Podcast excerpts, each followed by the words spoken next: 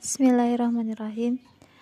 An Amiril Mu'minin Abi Hafsin Umar bin Khattab radhiyallahu an qala Sami'tu Rasulullah sallallahu alaihi wasallam yaqul Innamal a'malu binniyat wa innama likulli imri'in ma nawa faman kanat hijratuhu ilallahi wa rasulihi fahijratuhu ilallahi wa rasulih wa man kanat hijratuhu lidunya yusibuha aw imra'ati yankihuha fahijratuhu ila ma hajara ilaih rawahul bukhari wa muslim.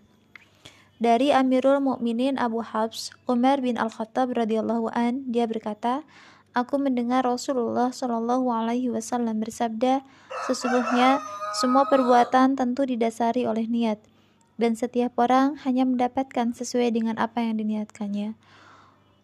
Oleh karena itu, barang siapa hijrahnya karena Allah dan Rasulnya, maka hijrahnya bernilai karena Allah dan Rasulnya. Dan barang siapa hijrahnya karena harta dunia dan hendak yang hendak diraihnya atau karena wanita yang hendak dinikahinya, maka hijrahnya bernilai sesuai dengan apa yang diniatkannya. Hadis riwayat Bukhari dan Muslim.